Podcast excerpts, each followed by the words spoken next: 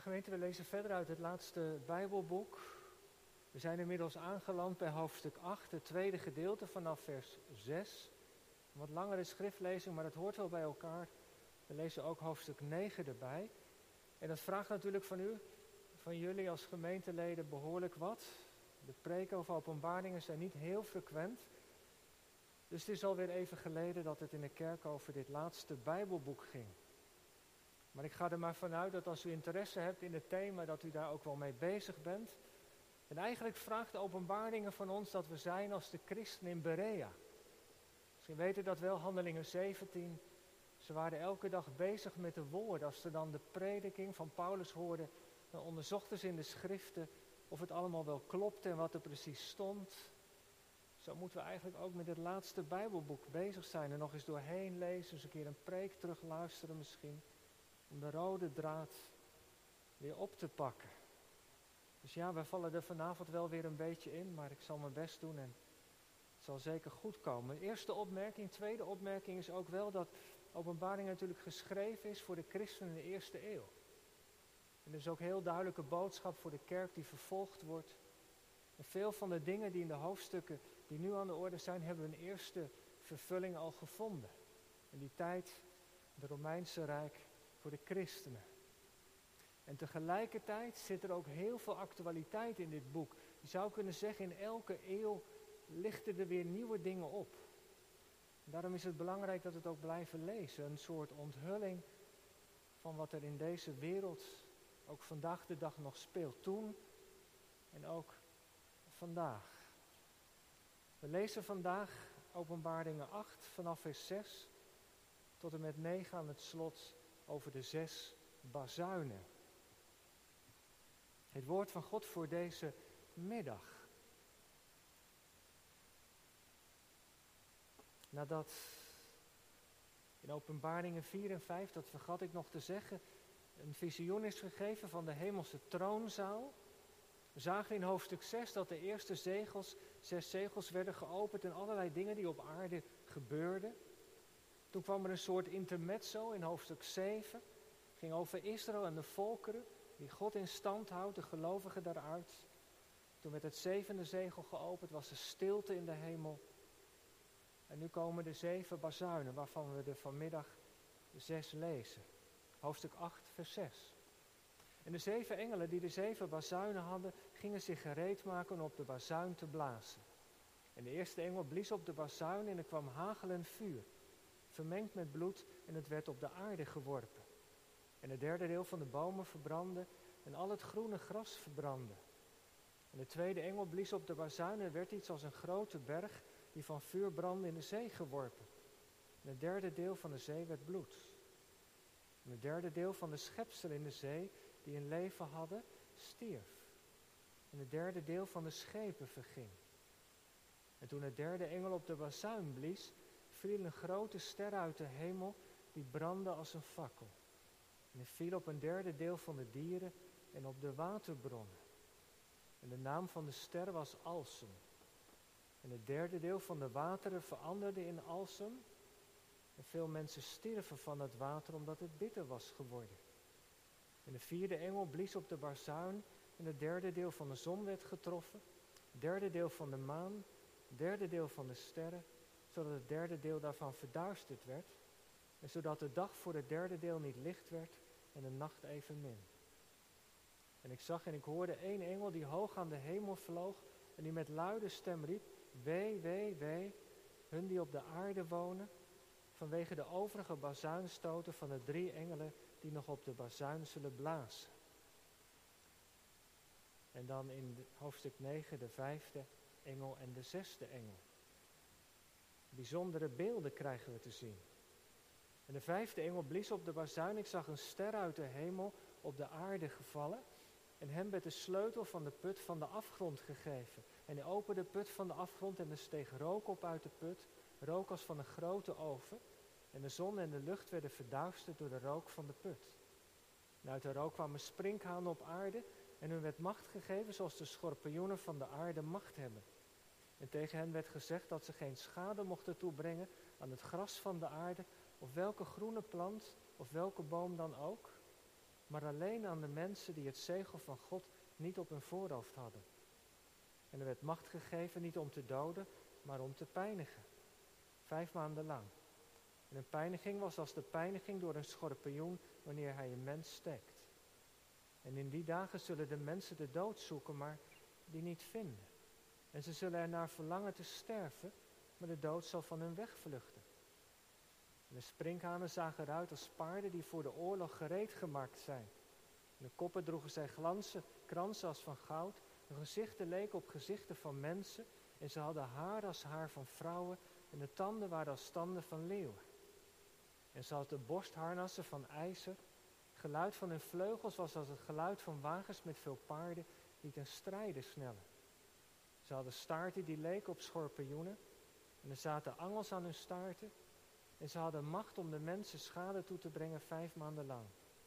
En ze hadden een koning over zich. En dat is de engel van de afgrond. Zijn naam is in het Hebreeuws Abaddon. In het Grieks heeft hij de naam Apollyon. Het ene wee is voorbij gegaan. Zie, nog twee weeën komen hierna. En dan de, de zesde bazuin. En de zesde engel blies op de bazuin en ik hoorde uit de vier horens van het gouden altaar dat voor God stond een stem komen. En die zei tegen de zesde engel die de bazuin had, maak de vier engelen los die gebonden zijn bij de grote rivier de Eufraat.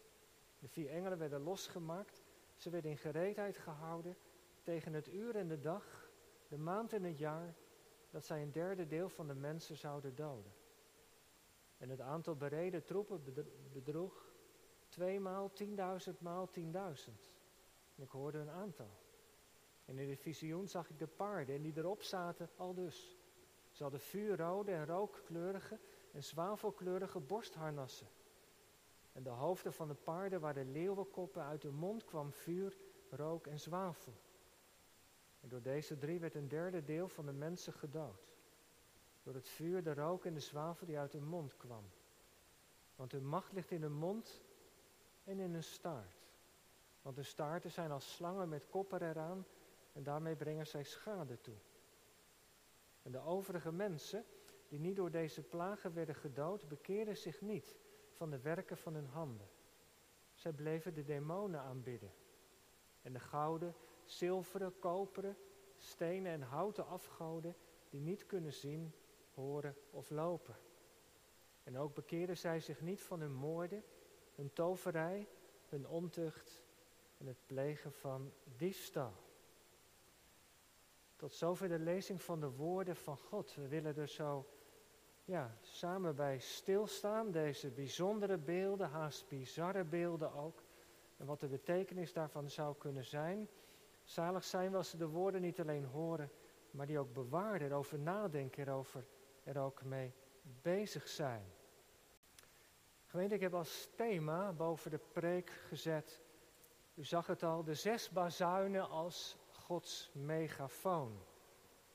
God die door die bazuinen heen een stem laat klinken. Gemeente van Jezus Christus, broeders en zusters, het laatste Bijbelboek blijkt steeds weer de gemoederen bezig te houden. Onlangs, u heeft het wel gezien denk ik, kwam de evangelist Jaap Dieleman ermee weer in het nieuws. Als bijbelleraar heeft hij allerlei theorieën ontwikkeld over het laatste Bijbelboek. Onlangs liet hij een exemplaar, een, een, een, tijdschrift wat hij heeft geschreven, heeft hij meer dan 5 miljoen stuks van laten drukken, exemplaren. En een groot deel van de huishoudens is dat verspreid en vermoedelijk hebben jullie dat ook ontvangen. Ik in ieder geval wel. En als je dat blad leest, dan is het een heel bewogen geschrift, ook een appel om in de Jezus te geloven. De vervulling van de belofte van Israël. Er staan hele mooie dingen in, maar tegelijkertijd worden er ook hele speciale dingen gezegd over de tijd waarin wij leven, over corona en over het vaccin. dat is ziekte waar we, waar we mee te maken hebben. Het virus van corona nu over de wereld gaat, dat is een teken van de eindtijd. Zo wordt door hem gesteld. En ik denk dat we het daar allemaal wel mee eens zullen zijn. Dat was ook wat de Heer Jezus had gezegd in zijn reden tegen de discipelen. Zijn reden die over de eindtijd ging. Dat er ziekte en epidemieën over de wereld zouden gaan. En dat waren de tekenen voorafgaand aan het einde, voorafgaand aan zijn wederkomst. Maar Dieleman gaat nog verder en daar is heel veel discussie over geweest dat hij ja, allerlei vragen stelt bij het beleid van de overheid en de ontwikkeling van het vaccin dat bezig is, verbindt met het teken van het beest. En dat je dat dus maar niet moet nemen, je niet moet laten vaccineren. Want daarmee sta je aan de verkeerde kant. Nou, dat heeft heel veel discussie opgeroepen en dat heeft allemaal te maken met een hoofdstuk dat vanavond nog niet aan de orde is, hoofdstuk 13. En daar zullen we echt nog wel een keer op terugkomen. Maar het geeft al aan dat dit laatste Bijbelboek heel veel vragen oproept, ook heel veel in beweging zet. En wat zijn er een hoop theorieën over dit boek? Het laatste woord is er zeker nog niet over gezegd.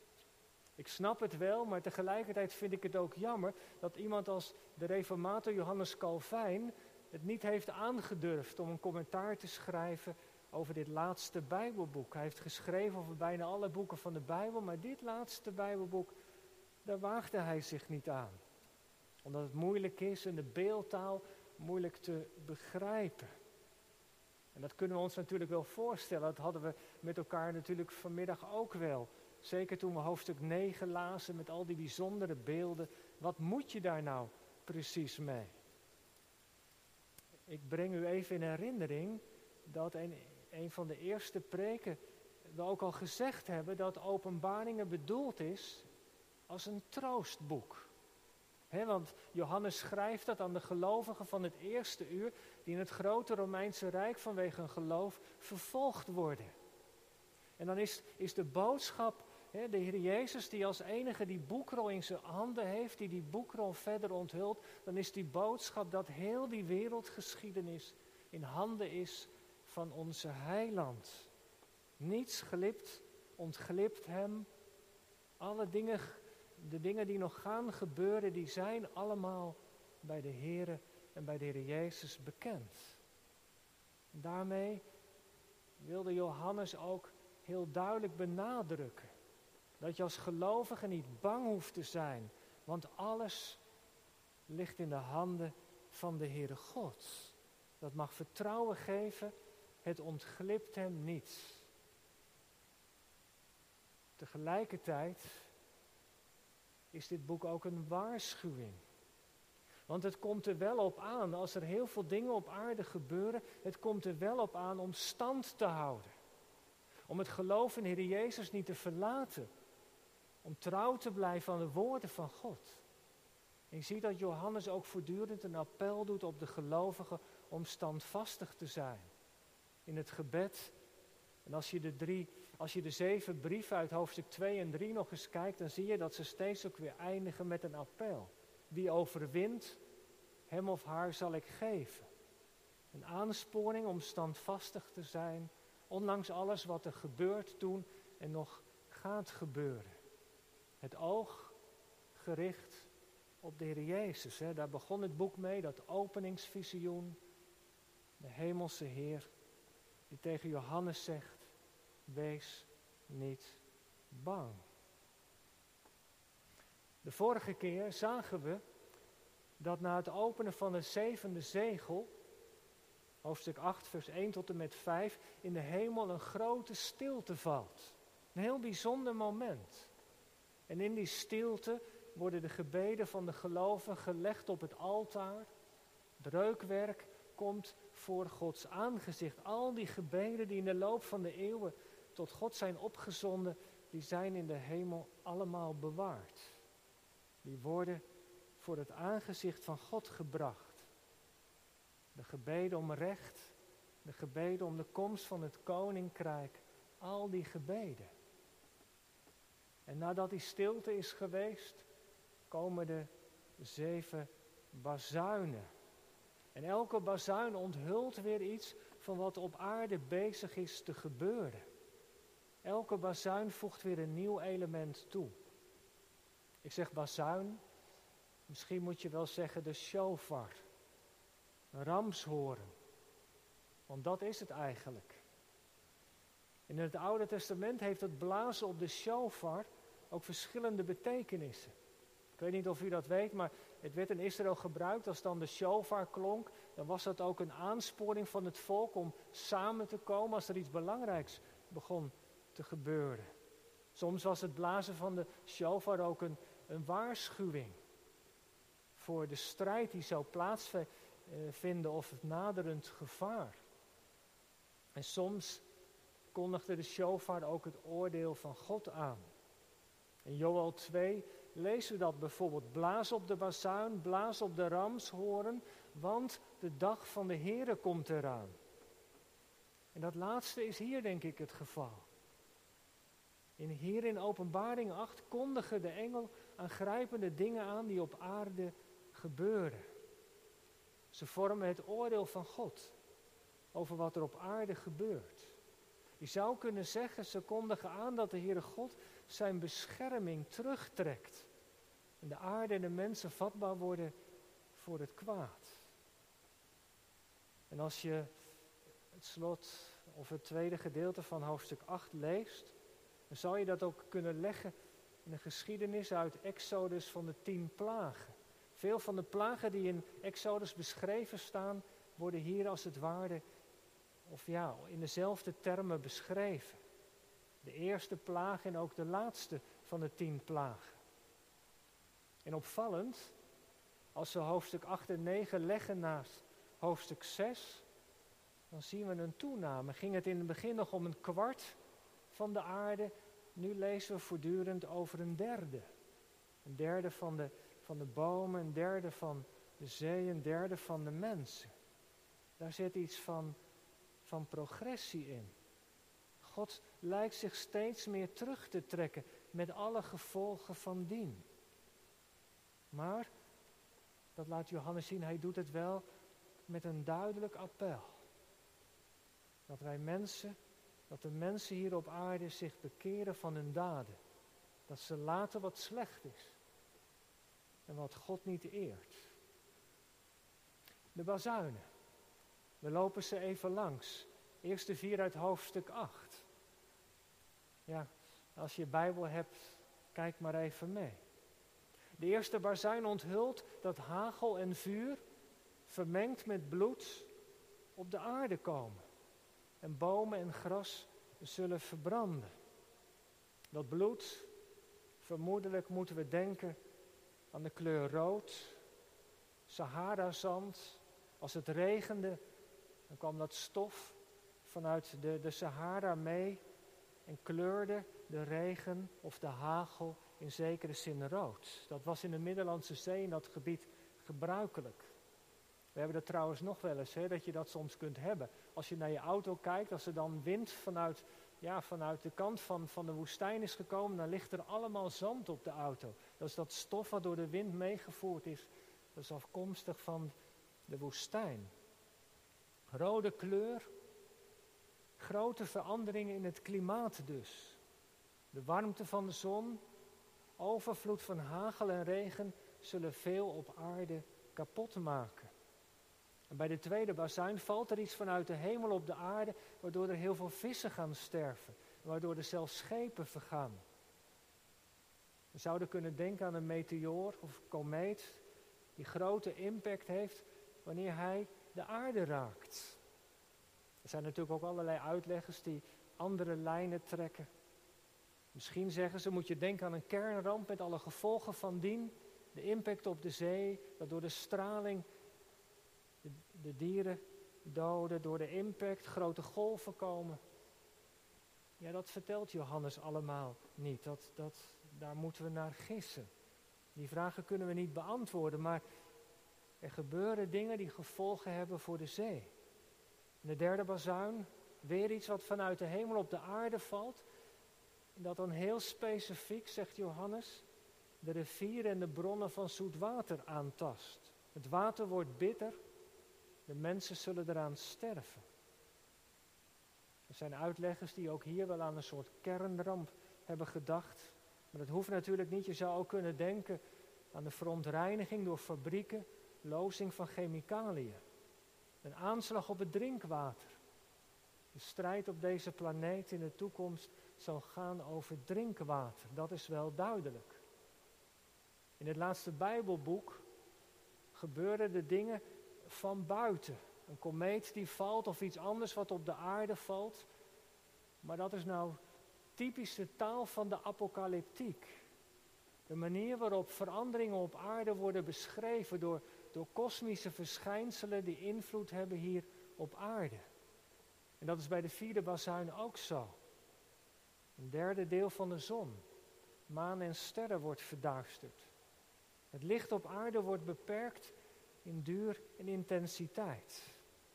Is dat een vervuiling van de atmosfeer? Ja, dat zou kunnen. Maar de gevolgen van het ritme van dag en nacht zijn best wel groot. Eerder al in de preek op Openbaringen 6 heb ik dat iets meer uitgewerkt. Er is in de apocalyptiek een, een, verband tussen de hemellichamen en het leven hier op aarde. Veranderingen in de kosmos symboliseren veranderingen op aarde. Dat is de taal van de apocalyptiek, de taal van openbaring. En als we deze vier bazuinen wat samenvatten, dan, dan zien we dus dat het heel veel omvat. De bomen en het gras. Groen op aarde, de vruchtbomen, de groenten. De zee en de vissen. Het drinkwater. De vaste orde van de dag en de nacht. Met andere woorden, het leven op aarde wat zo georganiseerd is, daar komen scheuren en barsten in. de bazuinen onthullen wat er, denk ik, nog gaat gebeuren of wat bezig is te gebeuren. Dat kan natuurlijk ook. En daarin kondigen ze iets aan wat er gebeurt als God zijn bescherming terugtrekt. Nou ja, veel van de dingen die openbaringen beschrijft, kunnen we natuurlijk ook wel zien als het gaat om het klimaat. Als je denkt aan de opwarming van de aarde, de schaarste van drinkwater. Op een of andere manier registreert dit laatste Bijbelboek dingen ja, die, die er op aarde gaan gebeuren in een profetisch vergezicht. En misschien maken wij daarvan een deel wel mee. En nu zou je, en dat is ook wel de aarzeling die ik heb om over dit laatste Bijbelboek te preken, je kan er natuurlijk ook geweldig somber van worden. En ook heel fatalistisch. Nou ja, dit staat er dus allemaal gebeuren, laat maar komen, want daar kunnen we verder niks meer aan doen. Het wordt allemaal slechter. En toch denk ik niet dat dat nou de bedoeling is. Want we zijn als christenen als volgelingen van de Heer Jezus natuurlijk geroepen om het goede te zoeken voor de mensen. Om ons in te zetten voor de mensen bij ons in de buurt. Om ons in te zetten. Ook voor de aarde, voor de planeet. Dat doen we niet alleen voor onszelf, maar ook voor de volgende generatie. Als er onrecht is, zijn we geroepen om in ieder geval er wat aan te doen. Als er medicijnen nodig zijn, dan moeten we alle energie inzetten alle gaven en talenten van God die we hebben gekregen om iets van de nood op dat terrein te kunnen ledigen. Het ontslaat ons niet van onze plicht om zorg te dragen voor de mensen, de kwetsbaren, voor de aarde. Misschien kunnen we wel zeggen dat we op al deze dingen, die zo openbaring als het ware onthult, ook invloed hebben. Want het oordeel van God is namelijk nooit een noodlot. Het is een oproep tot inkeer, tot verandering, tot bekering, tot bewustwording. Als we niet gehoorzamen, dan, dan kan dit allemaal gebeuren. En daar zit dus ook een appel in. Hoor wat de geest tot de gemeente zegt. Zoek de Heer Jezus. Laat je door het woord gezeggen. Want dan kan God het oordeel ook opheffen. Kan dat? Nou ja, denk maar. Allerlei voorbeelden. De voorbeelden van, van Abraham. Of, of denk aan, aan de profeet Jona. God die had het oordeel over Nineveh besloten. En toch was daar een omkeer. In dat ene zinnetje. En God deed het niet. omdat de stad tot inkeer kwam. Wat als wij als kerk de mensen op aarde voorgaan in inkeer en boete en berouw? Zal God dan niet luisteren? En hij deed het niet. De vijfde en de zesde bazuin. We gaan naar hoofdstuk 9. Bijzonder, kijkt u maar even mee. Kijk maar even mee naar hoofdstuk 9, vers 1. Bij het blazen van de vijfde bazuin valt er een ster vanuit de hemel op aarde. En de hemelse wezens, de engelen, die worden soms sterren genoemd in de Bijbel. Het is een engel die vanuit de hemel naar beneden komt en die heeft een sleutel in zijn hand. En die opent een diepe put. De put van de afgrond lezen we daar. De afgrond, dat is de onderwereld. Zo stelde men zich dat voor. Wij leven op de aarde, maar daaronder heb je nog de aarde onder de aarde. Dat is de onderwereld. Dat is de verblijfplaats van de demonen. De gevallen engelen. En aan het einde van openbaring is dat de plek waar de duivel wordt opgesloten. En wat lezen we, stijgt een zwarte rook op. Een beeld van de duisternis. En er komen demonen uit en ze worden vergeleken met sprinkhanen. En waarom sprinkhanen? Nou, dat wist iedereen in het Oude Oosten. In het Oude Testament en ook in de tijd dat Johannes schrijft. Sprinkhanenplagen waren niet ongebruikelijk. En ik weet niet hoe lang het geleden is, een paar maanden of een half jaar geleden, hoorden we in het nieuws ook berichten over sprinkhanenplagen in bepaalde delen van Afrika. Nog steeds is dat het geval. Men was er vertrouwd mee. En zo'n sprinkhanenplaag die komt dan en die vreten alles kaal. hebben een enorme vernietigingsdrift. Die kwade geesten worden met sprinkhanen vergeleken. En als je kijkt naar de versen 7 tot en met 10, worden ze ook beschreven. Je ziet als het ware een sprinkhaan helemaal uitvergroot. En soms, dat heb je dan in die moderne uitleggers, worden die ook wel met Apache-helikopters vergeleken. Nou ja, goed. Paarden tot de tanden bewapend, een borstharnas, hebben vleugels, venijnige staarten. Bizarre beelden eigenlijk. Ze zien eruit als oorlogsmachines. En ze gaan op de aarde. En ze hebben ook nog een koning, vers 11, Abaddon, Apollyon. Dat betekent verderver. Dat zijn termen die voor Satan worden gebruikt. De engel opent de afgrond en de demonen krijgen vrij spel. En waar richten ze zich op? Nou, dat zegt Johannes op mensen die niet het zegel van God hebben. Mensen die niet geloven. Die niet het stempel van de Heilige Geest hebben die zijn met name hun doelwit. Ja, Satan kan ook niks anders. Want hij kan het geloof niet ontfutselen bij mensen die tot geloof zijn gekomen. Hij kiest zijn pijlen. Hij probeert te verhinderen dat anderen de Jezus leren kennen.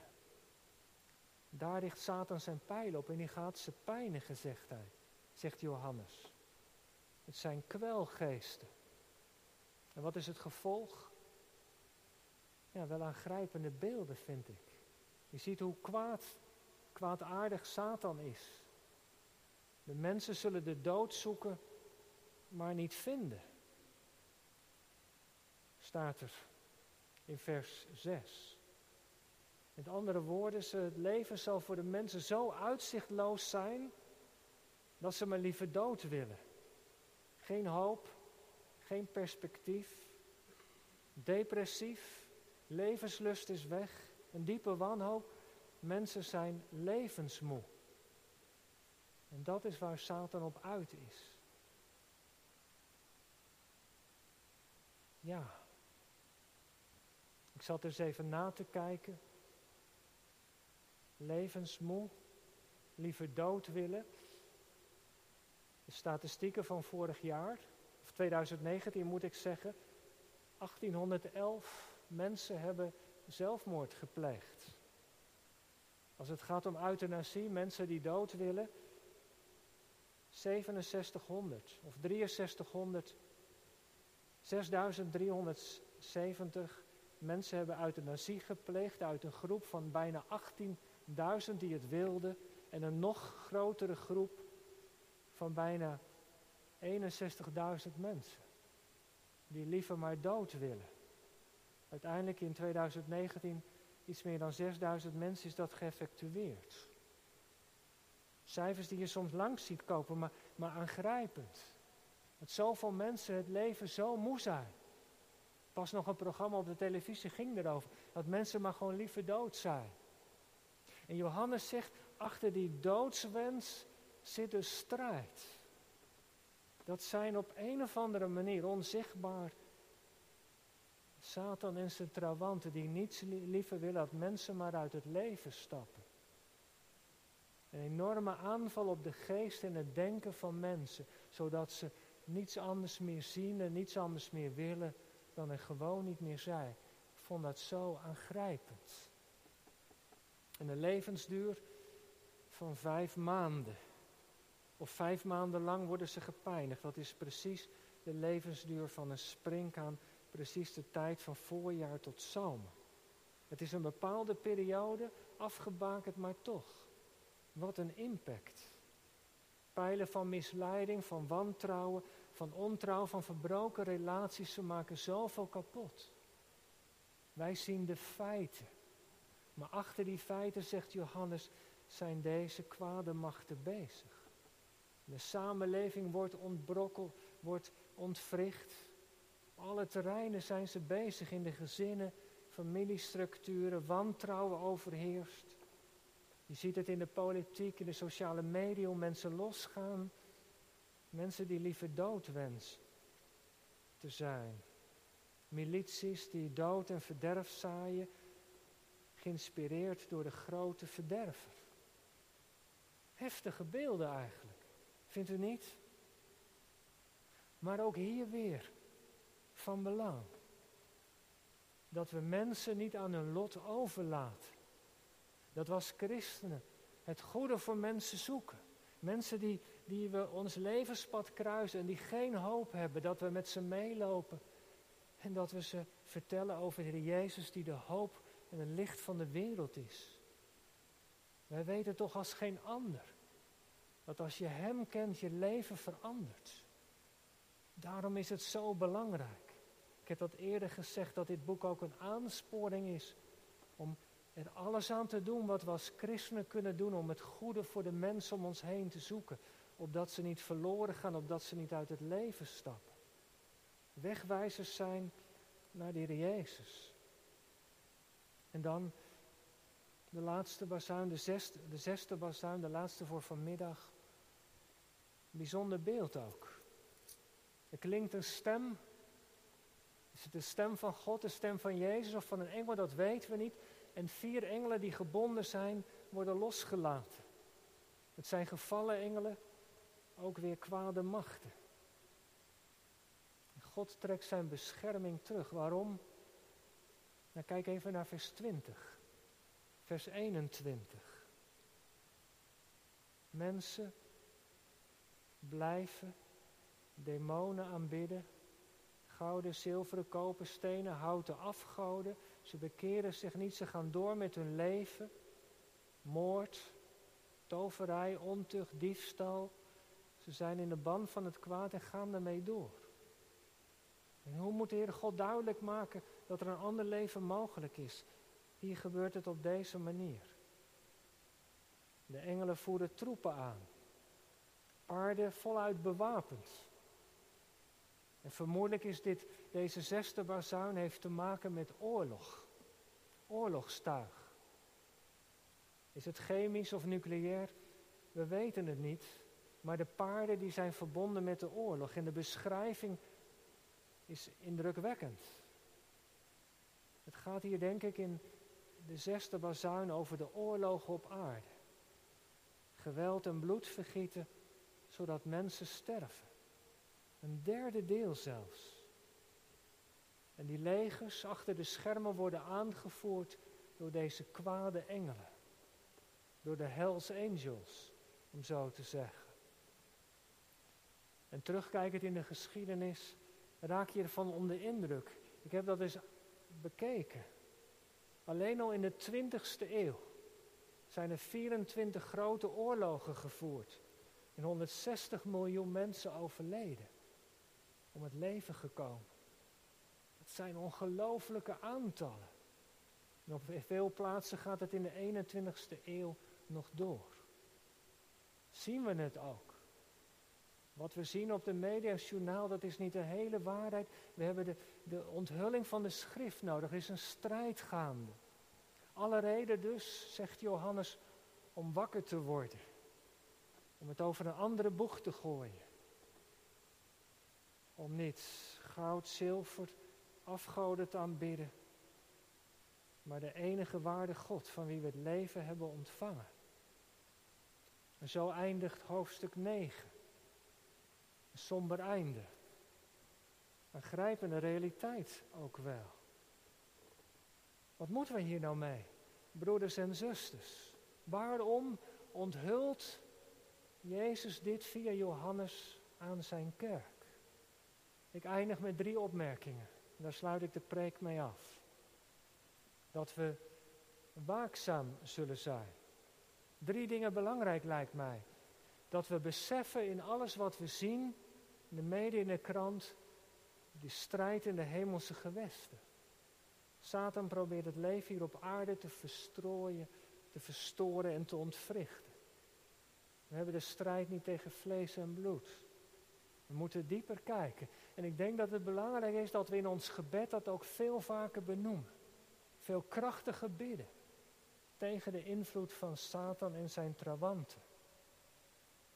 En het tweede, hoe krijgen die kwade machten invloed in onze levens? Dat kan alleen maar als er aanknopingspunten zijn, ingangspoorten. Weet u nog dat apostel Paulus in Efeze 4 daar iets over zegt? Als hij het heeft over boosheid en conflicten die er kunnen zijn. Hij zegt dat moet je voor de avond oplossen. Geef de duivel geen plaats. Dat is dus belangrijk voor ons als gelovigen.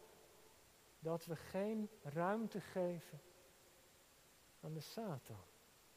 Dat we gehoorzaam zijn aan de geboden van God. Dat we toegewijd aan de Here leven. Dicht bij de Heer Jezus blijven is de beste bescherming. Elke keer weer. En elkaar niet loslaten, maar elkaar aansporen. Het tweede.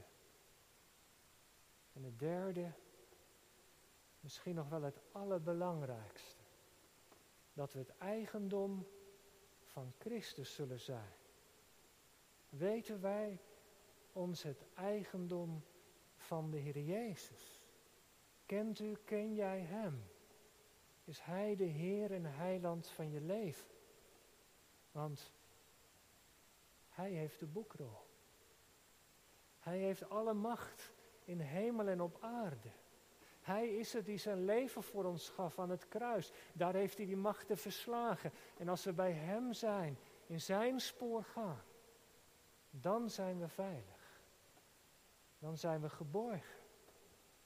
En hij zal zorgen dat de poorten van de hel de gemeente en ons niet kunnen overweldigen.